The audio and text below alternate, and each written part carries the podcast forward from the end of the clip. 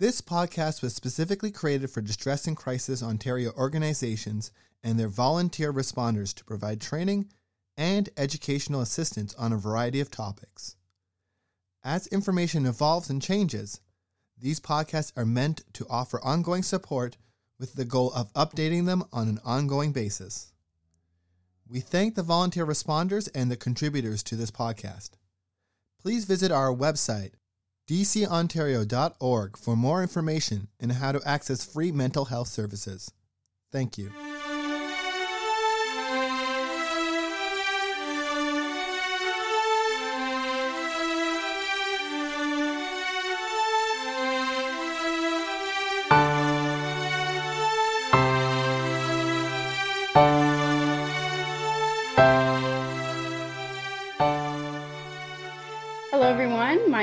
Is Katelyn Doyle, and welcome back to another DCO Discourse podcast.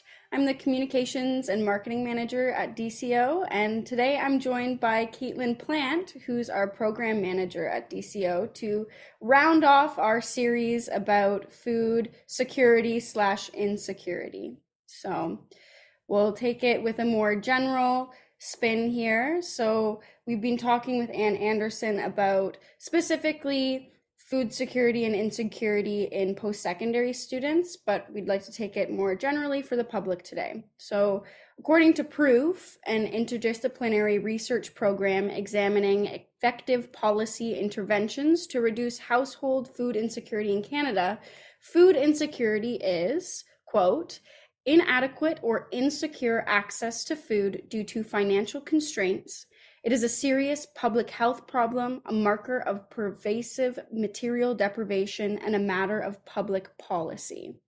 So, end quote there. And then we wanted to talk about how many people are affected by food insecurity and more numbers to, to round this series off.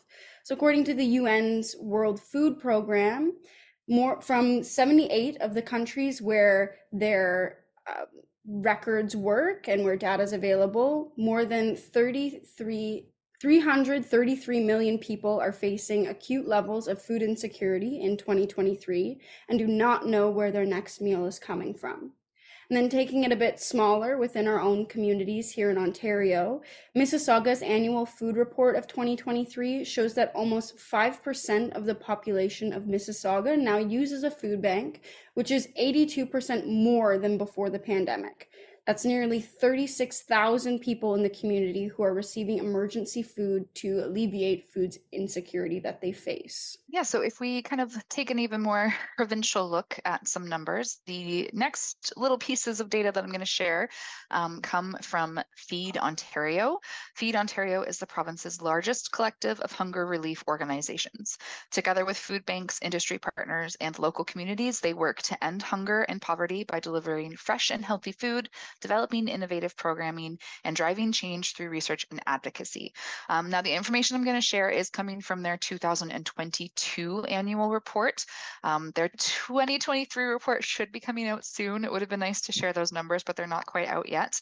Um, but I think these will still be very comparable to today. Um, if not, we might see some increase in 2023 with the inflation that I know everyone is facing. Um, but these numbers are still pretty pretty staggering regardless. Um, so, according to Feed Ontario in 2022, um, 587,103 adults and children accessed a food bank in Ontario between April 1st, 2021 to March 31st, 2022. And that was an increase of 15% over the last three years, which is a pretty major increase. Um, Ontario food banks were visited more than 4,353,000 times throughout 2022, which was an increase of 42% over the last three years, which is again a staggering number. And I would like to note that this is only food banks who participate in recording their numbers. So there might be smaller local community food banks whose numbers aren't reflected here. So reality is that number might even be higher than what we're seeing, which is yeah just kind of mind boggling there has been also a 47% increase in people with employment accessing food banks since 2018 so historically people accessing food banks were maybe more likely to be um, non-employed individuals or people who receive social service help uh, and typically people who were working full time didn't need to access the food bank but we're seeing that shift especially with people doing gig working and other forms of, of, of employment that maybe aren't as steady as mm-hmm. kind of a nine to five job.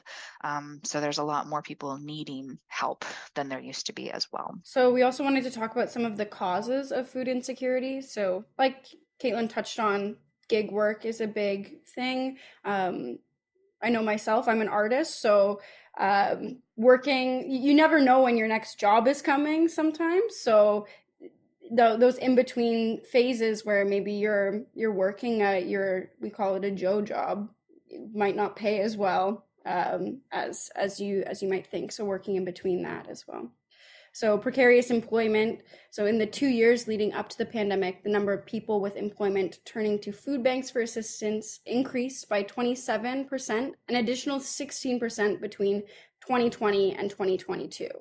And so, almost one in 10 of those employed in Ontario are gig workers. So, I feel like we all know a gig worker within our within our own circle. So that's a big big number.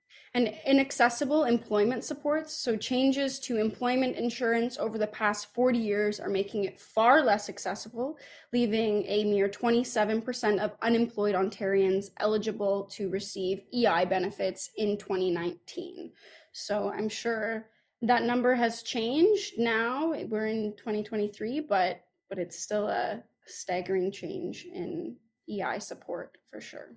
Mm-hmm. And just to kind of highlight the flip side of that, that means that 83%, I think, or no, it would be 73%. Yeah. Clearly, math is not my strong suit. 73% of unemployed Ontarians do not have access to EI benefits, which, again, these are big numbers. It's, it's really incredible. Um, a mm-hmm. couple other causes of food insecurity is inadequate disability supports.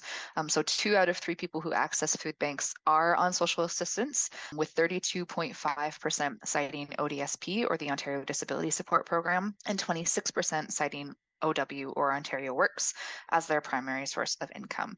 And we all know that what you receive from social assistance is often really, really just not enough. Um, and clearly, they are struggling if two out of three people are on these on these programs. Um, and there's also just disinvestment in social housing. So 70% of food bank visitors spend 68% or more of their monthly income on rent. Yet to be considered affordable, housing costs should not exceed 30% of a household's total monthly income. So if you're putting 68% of your income in its entirety towards just keeping a roof over your head, not to mention paying your bills, not to mention keeping your lights on, not to mention buying food, you just can't you can't make it stretch. Um, so a lot of people, a lot of people are struggling with that. So when asked the reason for visiting the food bank, 45.8% did cite the cost of food, um, 13.2% cited the cost of housing, and 9.8% cited low wages or not enough work hours. So again, that kind of ties into the gig work. And I think we all go to the grocery store these days and look at the prices of food and just are shocked at how high some of these numbers are, um, especially in the changes that have happened over recent years. Like it's it's just insane. So even people that maybe aren't necessarily struggling financially do have to budget way more money than they used to towards food costs, and it does take away from other areas. So food banks are working to meet the growing demand. However, there's concern that the need in the province may outpace the capacity of the provincial food bank network.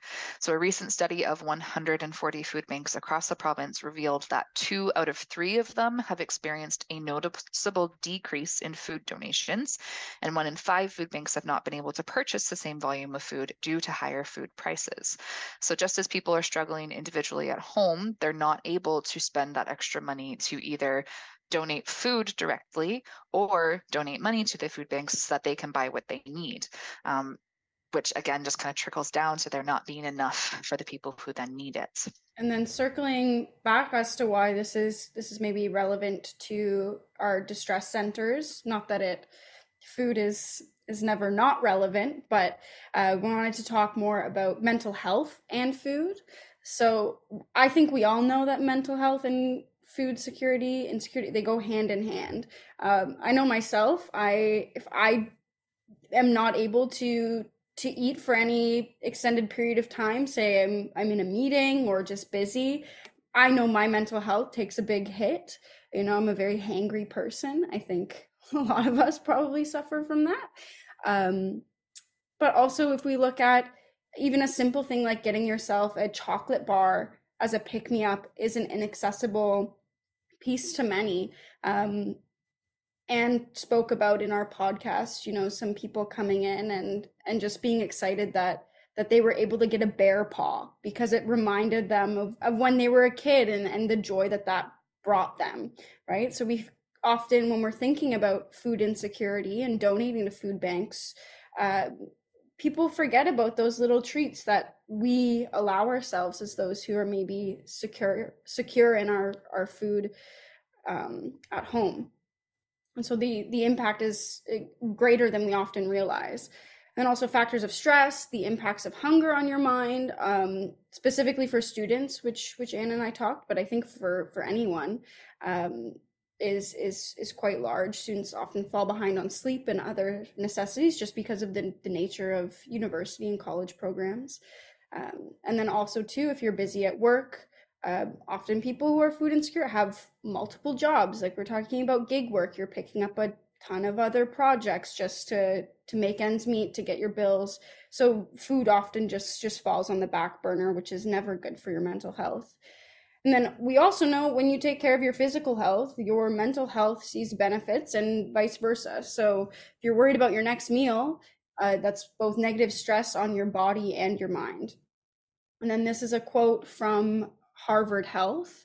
So, quote, serotonin is a neurotransmitter that helps regulate sleep and appetite, mediate moods, and inhibit pain. Since 95% of your serotonin is produced in your gastrointestinal tract, and your gastrointestinal tract is lined with 100 with 100 million nerve cells or neurons, it makes sense that the inner workings of your digestive system don't just help you digest food, but also guide your emotions. So that's a huge piece to take away from too, I think. I think that ties back to what you said about being hangry, right? Yeah. Like if you don't have that serotonin uptake, then yeah, your mood is going to consistently decrease. And I think also speaking as a parent of a middle school age child who makes her own lunches, sometimes there is food available and the students in your life maybe just don't take what they should. and we're into November now, so it's been a couple months of back to school, and I feel like every day I will kind of shake my daughter's lunchbox in the morning, and she has like two things in it to get her through 2 mm-hmm. lunch periods during the day, and then at the end of the day she's starving, and I'm like, well, of course you are because you're not feeding yourself. Yeah, and, and part of it is that she thinks she's too busy because she does mm-hmm. do some um, kind of like lunch helper things during during the day, and I always kind of say like, I promise you, your teachers would rather have you be fed, mm-hmm. and like mentally capable but yeah sometimes there's also those those little battles that you need to fight to keep people well fed too yeah. and i think that mm-hmm. ties back to to the education piece as well you know like teaching teaching kids and and young adults like what what they need in their diet and and you know teaching how to cook things that are in season you know it's not just there's so many different factors that you have to tie into. How you build your own little recipe book is important. You can you can get by on some cheaper products like beans and all of that good stuff but you just need to know how to cook it and the the right foods to go with it also. Um, mm-hmm. packing yourself those those important nutrients rather than just mm-hmm. a little little snack two snacks. Yeah exactly we actually have some resources that we can share that would include some really good information on those like good snacks that you can choose as well, as well as resources specifically for um, food security and insecurity. Um, so like we already mentioned, Feed Ontario is a great place to start, which you can visit at feedontario.ca. They have a ton of information on their website, ranging from where you can find your closest food bank to where you can get involved in making policy changes um, around food security. Uh, it's definitely a good website to check out. Along the same lines is Proof um, from the University of Toronto, where Caitlin shared a quote from at the top of the podcast.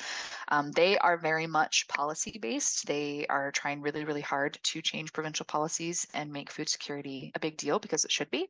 Um, so if you're looking at how to get involved in making change, that's a great place to go and you can find them at proof.utoronto.ca. The Ontario Dietitians in Public Health is another great webpage to visit. They will have all sorts of information on nutritious food choices, but if you want to see kind of where they stand on food security, there's a specific web page that you can visit, which is um, so O dph.ca forward slash senseless, but it's spelled C E N T S L E S S. So cents as in dollars less. Then, as Caitlin has mentioned um, throughout this series, there's the student nutrition program. Um, so I know in her introduction for the last few episodes, she mentioned the new program um, put into place by the Government of Ontario specifically for school age children. Um, that is definitely a good thing to look into. That URL is way too long for me to read it on the mm-hmm. podcast, but I know it's been shared around. Um, so definitely worth looking into. And then kind of a more general resource again is just Public Health Ontario. Um, they have a lot of good information. Uh, specifically, again, if you'd like to see what they're saying about food insecurity, um, it's a rather long URL, so I'm not going to read it off here. But even if you just go onto publichealthontario.ca and search household food insecurity, this result will come up for you. Um, and then another resource that we kind of learned about actually from um, one of our volunteers who attended a webinar we did earlier this month is community um, alert apps, kind of like Nextdoor and similar apps where you can connect with members local to you where people can either put out calls for support saying, hey, um, like I am looking for maybe somewhere that I can get a meal today, or people can put out kind of announcements about what is going on to give support. So people might put out, hey, um, the local food bank is looking specifically for peanut butter. And then you can know exactly what your community needs and how to kind of meet those needs. Um, so those are some good places to start, at least. Um, every local region is going to have their own kind of food bank with their own unique needs. Like I said, there's going to be local programs running everywhere, especially as we come into the holiday. It's really good to look at what different churches are doing and community centers. Um, something that came up actually in the webinar that I mentioned is that sometimes to fight food insecurity, what people need more is other things. Um, so maybe instead of giving a family a meal, you can give them support towards buying their kids Christmas presents. And then that is a major cost taken off of their plate that they can then focus on having a really nice Christmas meal. So maybe if you know there's like a single mom down the street or a single dad down the street or just a family that's struggling, instead of asking them, hey, how can I help? ask them, hey, what are two things that your kids would like for Christmas? And you can go out and pick them up, and that will make a huge, huge impact. Um, so sometimes it requires kind of thinking out of the box and finding other ways to support your community to then also just give them some relief. And uh, a lot of the times, the first thing that people will do when they have that little bit of extra cash is they'll put it towards food and they'll put it towards having a good meal. Mm-hmm. Um, so it makes makes a huge, huge difference. Especially uh, a lot of a lot of community centers and and I think high schools are a big they do a lot of food drives but i think certain communities are leaning away from from food uh, just because of allergies and i think covid took a big hit um, out of the food crisis.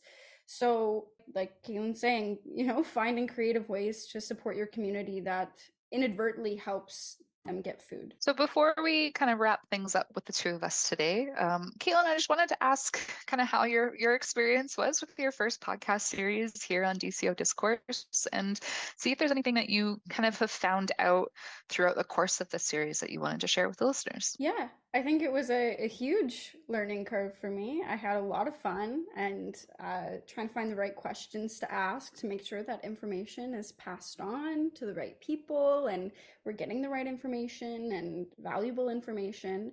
Um, Anne was such a generous person to to share her knowledge with me and and her experiences with the food crisis and post secondary students and food insecurity.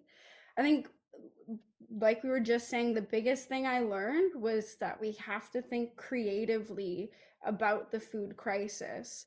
Um, menstrual products are a huge cost for a lot of people. And so being able to donate things like that, uh, soap to make sure that your household is clean and all of those things, teaching people the foods that are in season, it's education as well as it is all, all of these other things that we've spoken about. So so that has been the biggest thing that I've taken away uh, from this podcast has been how can we think creatively about this food crisis and how can we best support our our own communities? Well thank you for including me in this series and in this way today and letting me hop onto this with you. Of course you've been a huge support through this whole thing so i appreciate it. And thank you everyone for listening. Hope you tune in next week for another dco discourse podcast